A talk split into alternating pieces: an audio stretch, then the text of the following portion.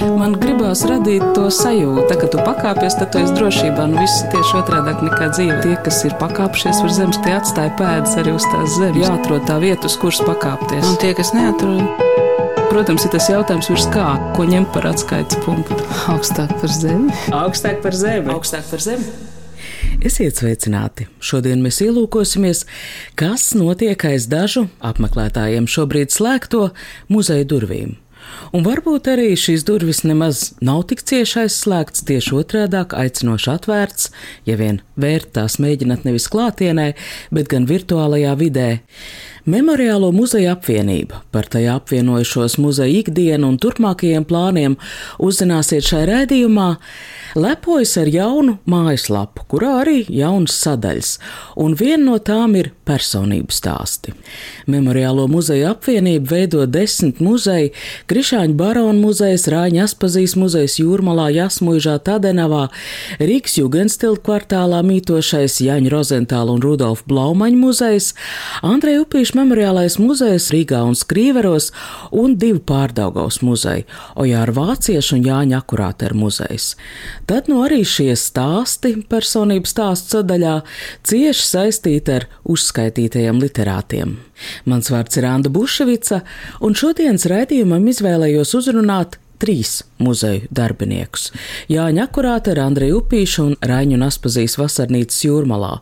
Vienu konkrētu iemeslu dēļ nosauktie muzeji šobrīd strādā pie izstādes Jaunās Latvijas valsts kultūra politika. Par šo izstādi vairāk jūs uzzināsiet raidījuma beigu daļā. Bet sāksim ar Raņu Naspazīs vasarnīcas jūrmalā. Jautāju muzeja ilgadējai vadītājai Astrīdai Cīrulai, kā viņa jūtās šai muzejniekiem savādajā laikā. Nu, mēs, protams, ļoti gaidām to brīdi, kad varētu satikties ar apmeklētājiem arī tieši, ne tikai tieši saistē, bet pagaidām tieši tas ir tas variants, kā mēs varam sasniegt kādu no apmeklētājiem. Pirms turpināt sarunu, gribu atgādināt, ka Jūrmalā ir veseli divi ar Rainu un Aspazī saistīti muzeji. Rainu un Aspazīs vasarnīca atrodas majoros, bet braucot garām, daudziem droši vien acīs būs iekritusi arī aicinošā Aspazīs māja dubultos. Aspazīs māja ir ļoti aktīva arī sociālajos tīklos. Regulāri piedāvā savus telpas rakstnieku beneficēm, vēsturnieku lekcijām, tiešraides kameras priekšā, un šīs lekcijas uzstāšanās var noskatīties arī šobrīd jau ierakstā Aspazīs mājas Facebook kontā. Jā, tā ir pilsētas muzeja filiāli. Tā kā patotība mums ir dažāda, bet Aspāzija jau ir tik un tā sastopamies, kā piemēram staigājot pa Rēņu un Aspāzijas vietām jūrmalā un Piemēram, plānojam vasarā tādu lietu kā Bienālis Marīna, kas ir jūrmalā plašā mērogā, un tur jau iekļaujās visi jūrmalas muzeji. Un es domāju, ka šajā ziņā mēs ar Aspāzijas māju vienmēr esam sadarbojušies. Ziņas par Rēņu un Aspazijas vasarnīcas jaunumiem savukārt var meklēt Memoriālo muzeja apvienības mājaslapā. Un tur var uzzināt, ka jaunākā izstāde Rainas un Aspazija dēls teātrī atklāta īsi pirms muzeja pilnīgas aizvēršanas 25. decembrī. Mēs paspējām izstādē ielaist ne vairāk ne mazāk kā 14 cilvēkus, kad muzeji tika slēgti. Mums ļoti paveicās tajā ziņā, ka mēs sākumā bijām domājuši tādu nu, kā savu veidu reklāmas variantu, lai piesaistītu publiku muzejam, kas pēc tam pārvērtās jau tādās daudz plašākās sarunās.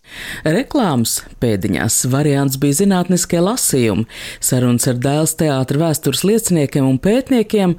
Šobrīd tas pārtaps jau tādā kā audio gidā. Astrīds Ciruls balsī, papildinātā ar muzeja eksponātu fotografijām, ir iespējams virtuāli izsekot izstādes Rains un Aspazīda dēls teātrī stāstam. Nākamās divas desmitgades, 40. un 50. gadi. Īpaši jau 40. ļoti sarežģīts laiks, varu maiņas, karš, okupācijas. Pastāvēt teātrim šajā laikā bez šaubām ir ļoti sarežģīti. Smilģim pat uzmācās doma par to, vai Dailas teātris ir vajadzīgs. Un tad viņš pats sev rod atbildi, ka Dailas teātris ir vajadzīgs kā nākotnes teātris mūsu izstāde ir bāzēta uz tādu kā ceļojumu cauri no 20. gada pa desmit gadiem, un katrā šajā desmitgadē kādi ir Raļu un Aspāzijas lūk iestudējumi, tad mēs mēģinājām šo tādu kā sarunu, kā pastaigu caur muzeju un parādīt arī šādā te digitālā formā. Taču izstāde nav tikai dēls teātra vēsture. Šeit atrodam video interviju arī ar patreizējo dēls teātra māksliniecisko direktoru Viestru Kairišu. Pagaidiet vēlreiz, paskatiet, 20 gadus nav bijis Raina. 21. gadsimta Rainis nav bijis. Nu, tagad es esmu nedaudz satriekts, protams.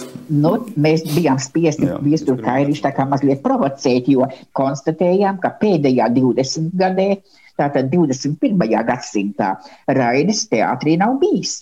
Un pēdējā izrāde, ko mēs ar Dāvidas teātri varējām saistīt, tā bija Oļģerta Krodera Pūta vējī 1998. gadā. Izstāde ir interesanta dabā. Es jau ļoti ceru, ka pienāks tomēr tāds laiks, vēl pavasara pusē, kad būs iespējams to visu skatīt. Un katrā ziņā vizuālais variants ir diezgan tāds interesants, kā iezīmējot katru desmitgadi ar tādu savu tādu kā planšetes akcentiņu. Un centrā ir rekvizīti, Mēs varam redzēt 47. gada Filipsona zobenu un vairogu, vīdols rotas. Un ir virkne kostīmu, kas ir redzami izstādē. Tā kā izstāde ļoti materiāli un bagāta. Patreiz mājaslapā norādīts, ka izstāde Rains un Aspazīda dēls teātrī būs apmeklētājiem atvērta līdz aprīļa beigām.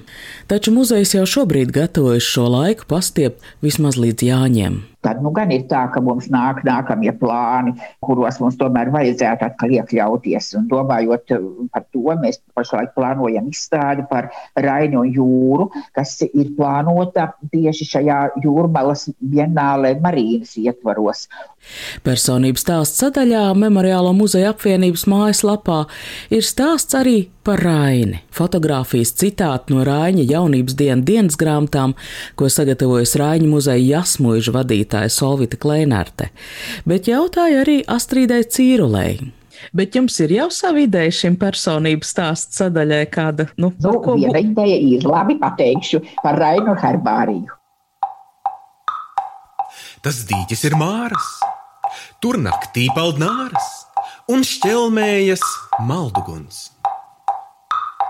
Un dažkārt tā meldros, ap pusnakti peldas, liels, labsirdīgs un melns suns.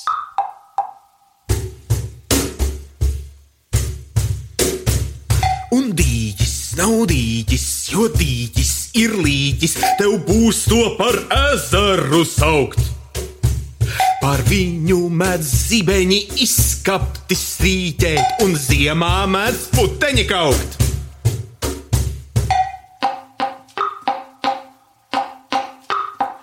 Kad zvaigznes sāk ķemmēties, spogulī rātnā, un dzelmē krīt sudrabots mats, tad šurpu mēdz vienīgās meitenes atnākt. Ja atnācis esi tu pats. Mārs ezers, jūs jau nojaušat, mēs tuvojamies Rīgas pārdaugavai, Altanavas ielai, dzēnieko jāra vācieši Jāņa akurāt ar muzeja mājvietai un soļu ritmos skandētā Ojāra vācieša dzēja ir fragments no audio gida Ojāra soļi. Šis nu jau lielu popularitāti iemantojušais ieraksts brīvi pieejams SoundCloud vai noskanējot kodu Māras dīķa krastā, un tas ir radies fonda Initīvu ciešā sadarbībā ar aktieru un audio gida koncepcijas autoru Jānu Kroni, Ojāra vāciešu muzeju un Ojāra vāciešu biedrību. Skaņu partitūras veidotāji ir komponisti Jēkabs Nīmans un un Edgars Ragīnskis. Tātad sajūtās esam pārdaugovā, domās tojamies arī Jāņa akurāta ar muzejam. Un, ja tas notiktu dzīvē, muzeja durvis droši vien mums atvērtu Maira Valteri.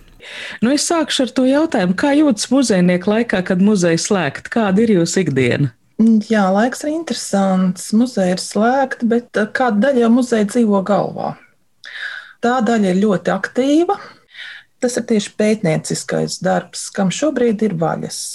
Un ir tādas labas vietnes kā periodika LV, kas laikam baro šobrīd pētniekus visā Latvijā. Es nezinu, vai periodika LV izveidotāji ir ieguvuši kādu balvu no valsts, bet tad man gribētos tiešām, lai viņiem piešķir. Jā, tas palīdz arī muzejniekiem. Bet, Mēra, ko tad jūs pētat? Es lasu arī, ka šobrīd jūs strādājat pie izstādes un kataloga Jānis Akurāters portrets gleznā fotografijā un tekstā. Jā, nu šī izstāde mums kaut kad šogad būs. Šogad noteikti viņa būs, jo mēs šogad svinām akurāti ar 145. dzimšanas dienas vai jubilejas gadu. Un uh, izstāde būs viens no šī jubilejas gada notikumiem. Iecerē jau ir jau arī senāka, vienkārši apkopot to plašo informāciju, vizuālo, tekstuālo, kas ir saistīta ar akurātera portretu. Ir ļoti plaša šī portretu kolekcija, kas ir nonākusi muzejos. Fotoportretu kolekcija, tāpat vairāk mākslinieki ir centušies uzgleznot akurāti. Arī interesantais stāsts, kas ir par 1917. gadu, kad tā laika divi jauni spilgti mākslinieki, kā Valdemārs Stone un Konrāds Ubāns, abi uzglezno akurāteri. Un iespējams, ka tā bija viena reize, kad šie divi jaunie puiši sēdēja un akurāters viņiem pozēja, viņi gleznoja viņu. Un uh, akurāti ir kolekcijā Rakstniecības muzejā. Ir tātad Ubāna gleznotais portrets, ko ikdienas var apskatīties akurāti ir mājā, un savukārt Nacionālā mākslas muzeja kolekcijā nonāca Tonas gleznotais portrets. Ir arī ziņas par kādiem zudušiem portretiem. Nu, piemēram, ir ziņa, ka Jēkabs Bīne ir gleznojis Jānis Akurāteru. Ja nu gadījumā kāds no radioklausītājiem kaut ko varbūt zina par šo akurāteru portretu, ko gleznojis Jēkabs Bīne un kas ar viņu ir noticis. Es, protams, ļoti, ļoti priecātos kaut ko tādu uzzināt. Tāpat Brencēns ir uzgleznojis Jāņa akurāteru portretu, un portrets redzams ir Jāņa akurāti ar kopotos rakstos, bet kas noticis ar pašu gleznu, nu, mēs šobrīd nezinām. Interesēs ķer izstādes nosaukums - akurāti ar portrets, gleznā, fotografijā un tekstā. Izstādē tiks apkopots arī laika biedru tekstuāls liecības, izsekots kādu citu autoru literāros darbos prototyps varētu būt bijis akurāters. Taču viens no izstādes šķiet intriģējošākajiem stāstiem būs par kādu fotoalbumu. Gatavojot šo portretu katalogu, ieinteresēja viena interesanta lieta, ka Rieksts izveidoja fotografiju albumu, kuru dāvināja Ļevam Tolstojam uz dzimšanas dienu. Un šajā fotografijā albumā bija latviešu rakstnieks apfotografēts, nu, tā laika latviešu rakstnieku fotografijas. Un albums tika aizsūtīts. Ļevs Tolstojs esot atsūtījis arī pateicību, un albums vēl aizvien ir saglabājies. Viņš ir Maskavas Ļeva Tolstoja muzejā, un gatavojot šo katalogu, mēs esam ieguvuši kopijas no šī albuma. Tā kā tas arī būs tāds, nu, tāds interesants materiāls, kas iekļausies katalogā. Latvijā neredzēts, acīm redzot, līdz šim. Daži, kas ir bijuši Maskavā, to ir redzējuši, kā fotografiju izcēlējis pētnieks Korsaks un varbūt vēl kāds, bet eh, tā šai Latvijā vismaz gadsimts nav redzēts, jo pirms albumu uzdāvināja, viņš esot eh, eksponēts bijis Rieksta fotodarbnīcas skatlogos, bet nu, kopš tā laika tad vairāk kā simts gadus ne, Latvijā nav bijis. Satika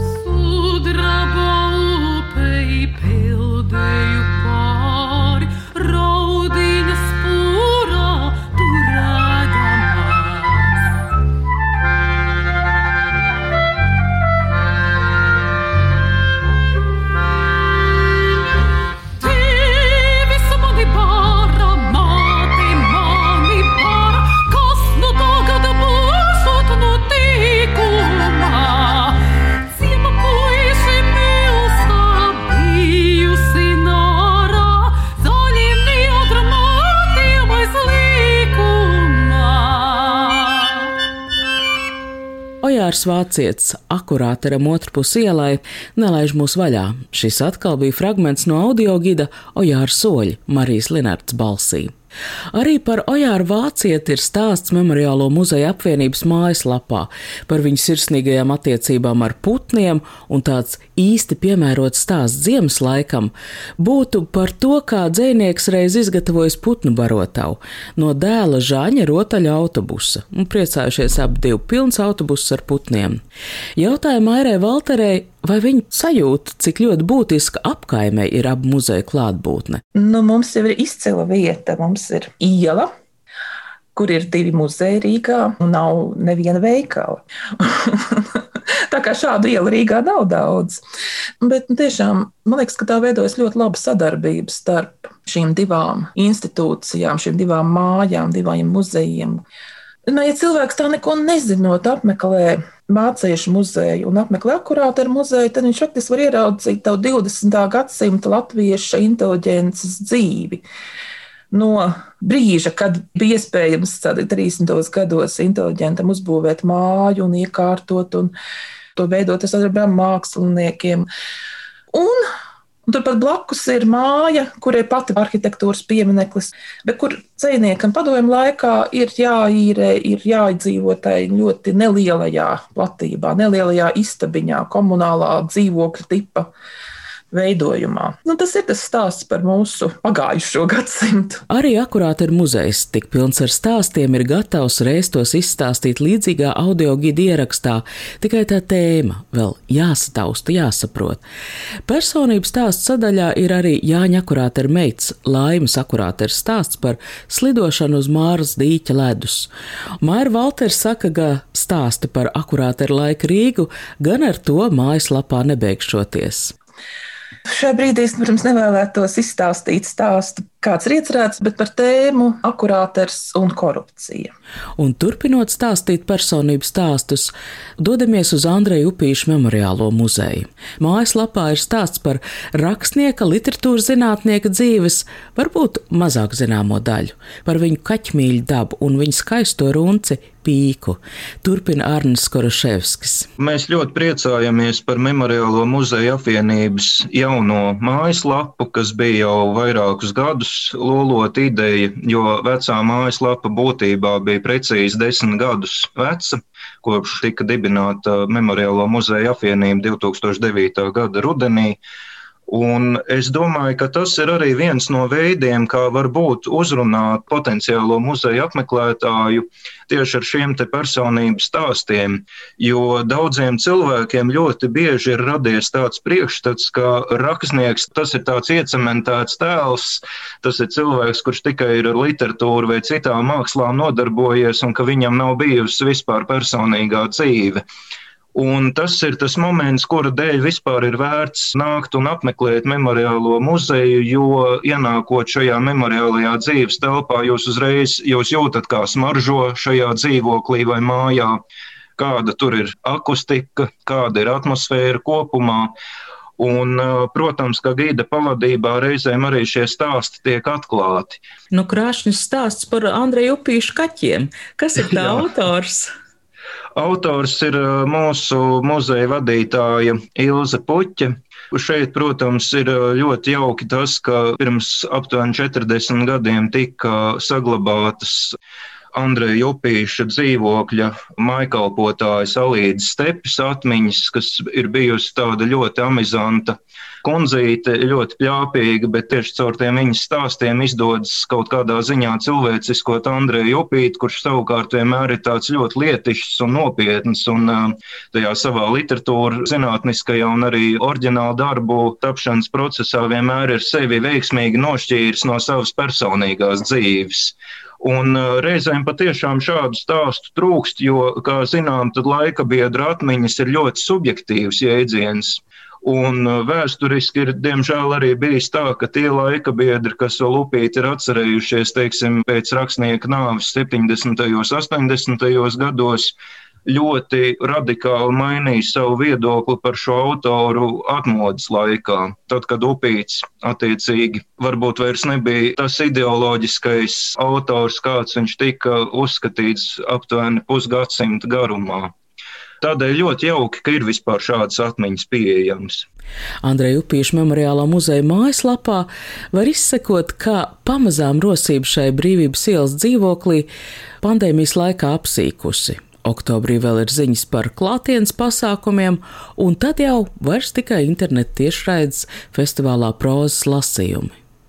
Prozas lasījumi 2020. gada nogalē svinēja festivāla pastāvēšanas 25 gadi, un pirmā tikšanās notika tieši šeit, šai brīvības ielas dzīvoklī, kas gan pēc Arņa Koraševska nu pat izklāstītā par visai noraidošu attieksmi pret Andreju Upīti 90. izklausās mazliet dīvaini. Nu, prozas lasījuma vēsture patiesībā jau iesniedz senākā pagātnē, jo Andreja Upīša memoriālajā muzejā, ja es nekļūdos, 77. vai 78. gadā, aptuveni ap tātad rakstnieku simtgadus laiku, tika uzsākt šāda prozas lasījumu ceremonija. Tobrīd tie bija tādi kā akadēmiskie lasījumi, jo nevienmēr tie bija autori, kas rakstīja oriģinālu prózu, tie bija reizēm arī publicisti. Sevišķi, man manuprāt, būtiski ir arī tas, kas notiek ap atmodas laiku, jo tur reizēm ir nākuši arī tulkotāji uz muzeju, un tad ir runāts par literatūru, kur nebija pieejama padomu laikā, piemēram, Džordža Orvela romānu tulkojumi ir lasīti tieši Andreja Upīša muzejā pirms šī grāmatiņa, kurā ir gan romāns 1984, gan dzīvnieku ferma iekļauts, kurš tika izdots 90. gadā. Pēc neatkarības atgūšanas šī tradīcija bija pārāvums šajā tradīcijā, bet, eh, protams, jāpriecājas, ka jaunie autori 95. gadā sarosījās un tādā ļoti veiksmīgā veidā pārcēla to Andreju Upīšu muzeju uzsākto prozas lasījumu tradīcija, un, protams, ka tā transformējusies šajos 25 gados. Muzejnieks un literatūras zinātnieks Arnis Koroševskis mazliet pat priecājas par mierīgo laiku muzeja darbā, jo viņš šobrīd strādā pie monogrāfijas par Andreju Upīti. Tai jāiznāk grāmatu cikla par latviešu literatūras klasiķiem Es esmu ietveros. Paralēli romānu par Andreju Upīti raksta Gunts Berelis. Berelis, starp citu, bija viens no pirmajiem, kurš 90. gados, un jo sevišķi 90. gadu nogalē, kad iznāca viņa latviešu literatūras vēsture, būtībā pārvērtēja Andreju Upīti pēc neatkarības atgūšanas. Un pietiekami modernā veidā, kurš joprojām ir aktuāls, kurš nav zaudējis savu aktualitāti.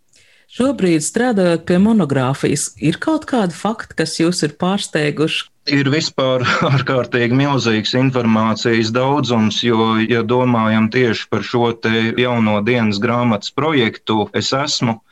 Protams, ka Upīts ir viens no tiem neērtākajiem autoriem, gan savas biogrāfijas dēļ, gan arī garā mūža dēļ. Nu, pat Andrim Akmentiņam iznācis romāns par Jānu Ezeriņu, kuram sanāk gandrīz vai trīsreiz īsāks mūžs nekā Andrejam Upītim. Nu, līdz ar to, protams, tās informācijas ir ārkārtīgi daudz.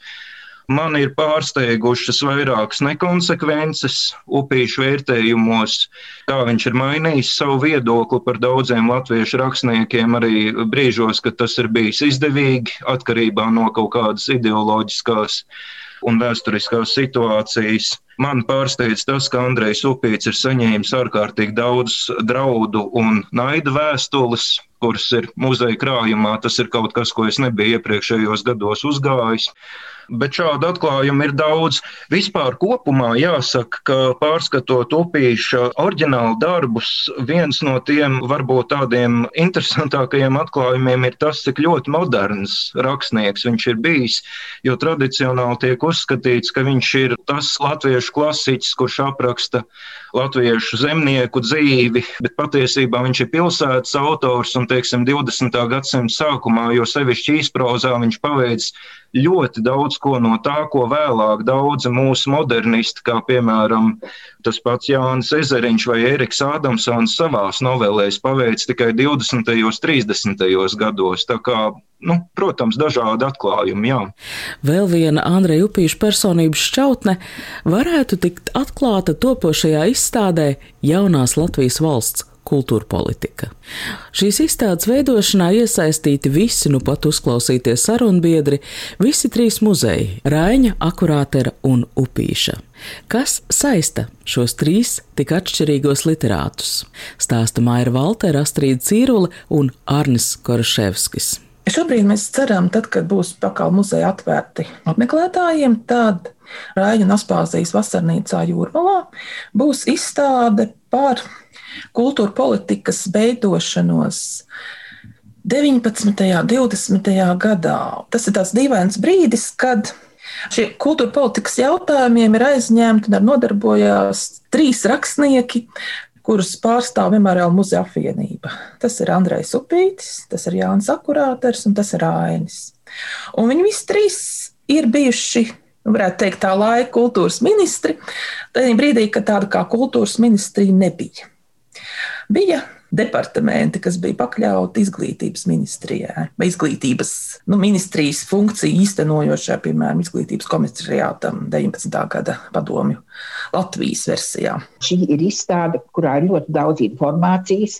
Faktiski tā kā tāds gājiens, kā Latvija vispār nonāk pie kaut kāda veida kultūras politikas. Sākot jau no 19. gada ar pirmo dažādo kultūras instanču veidošanos un organizēšanos, ar muzeju tapšanu, kā pārņemt kultūras mantojumu, kā nodrošināt tīri finansiāli māksliniekus, strādnieku teātri, kas vēlāk kļūst par Nacionālo teātri. Izstāde būtībā aptver gan šos kultūra politikas jautājumus tādā plašākā izpratnē, bet vienlaikus tas, protams, ietver arī šo būtisko jautājumu par dažādiem latviešu teātriem tajā laikā. Un Andrejs Upīts ir īpatnējs ar to, ka viņš būtībā ir tā saucamā strādnieku teātra koncepcijas autors. Es agrāk uzskatīju, ka šī teātra iestrādes ir sākušās aptuveni 1917. gadā pēc tā saucamās bolševistiskās revolūcijas, taču izrādās, ka Upītim šāda ideja par atsevišķu, kā viņš sauc, proletārisko teātri ir radusies jau aptuveni 1911. gadā kad viņš pieredzēja Lūgas balss un apbalss iestudējumu Rīgas jaunajā teātrī, ko, kā viņš pats nodēvēja par pirmo latvisko lugu no fabrikas strādnieku šīs dienas dzīves nedienām. 17. gadā Upīts ļoti radikalizējas. Viņš būtībā iesaistās politikā no partijas Latvijas sociāldemokrātija. Viņš arī tiek ievēlēts Rīgas domas sastāvā. Un 17. gada vasarā tiek lēmts par strādnieku teātra izveidi. Teātris bija paredzēts atklāt 17. Uh, gada vasaras nogalē, augusta beigās, taču tieši tajā laikā Rīgā ienāca vācu karaspēks. Vispār šis vēsturiskais periods ir ārkārtīgi interesants, jo tur vienlaikus ir gan Latvijas valsts dibināšana vēlāk, gan brīvības cīņas, un patiesībā nevienu brīdi nav skaidrs, kāda tad būs tā tālākā nākotnes attīstība, tostarp arī kultūras nozare, jo vēl 17. gadā neviens nespēja nojaust, ka pēc gada tiks dibināta Latvijas valsts, un ka savukārt pēc 18. gada novembra dažu mēnešu laikā Rīgā atkal pie varas būs bolševistiskie spēki. Un līdz ar to Upīts Rīgā atgriežas 19. gada janvārī, un tobrīd viņš ir kļuvis par izglītības departamenta mākslas nodaļas vadītāju. Un faktiski viņš kļūst arī par strādnieku teātra māksliniecisko vadītāju tobrīd, jo direktora amats oficiāli nepastāv. Akurāters, kad kļūst mākslas departamentā par teātru un literatūras nodaļas vadītāju, tas ir 1919. gada septembra pirmās dienas, tad burtiski pēc pāris dienām jau ir vēsts presē, ka valdībai budžetam ir iesniegts pieprasījums par Nacionālā teātra budžetu. Un tas jau paspēts ir izstrādāt burtiski divās, trīs, četrās dienās. Tas process notiek ļoti strauji. Tas ir ļoti svarīgs viņiem. Nu, tāpat Rainis atgriežas no emigrācijas. Tas ir aprīlis, kad viņš atgriežas. Un 20. gada rudenī top Dailas teātris. Tas arī ir salīdzinoši šīs laiks, priekš tādām nu, monumentālām tomēr, iestādēm, kādas tiek izveidotas. Kā šis laiks ietekmēs muzejus? Biļešu ieņēmumu, kas muzejiem devis zinām patstāvību, plānot savu nākotni, šogad izpalikuši un daudz arī no jau esošā nācies atlikt uz nezināmu laiku, taču šis ir labs laiks pētniecībai un arī stāstu stāstīšanai. Ielūkojieties Memoriālo muzeja apvienības jaunajā mājaslapā. Ar šo ierosmi no jums atvedās šī raidījuma veidotāji, ar jums sarunājas Anna Buševica, par raidījumu skaņu gādāja Valdis Raitums. Tā kā tu pakāpies, tad tu esi drošībā. Nu, viss ir tieši otrādi nekā dzīve. Tas ir tā spēle, jā. Tie, kas ir pakāpšies virs zemes, tie atstāja pēdas arī uz tās zemes. Protams, ir tas jautājums, ko ņemt par atskaites punktu. Nē, nu, principā ir skaidrs, augstāk par zemi. Jāatrod tā vieta, uz kuras pakāpties. Augstāk par zemi. Augstāk par zemi. Augstāk par zemi.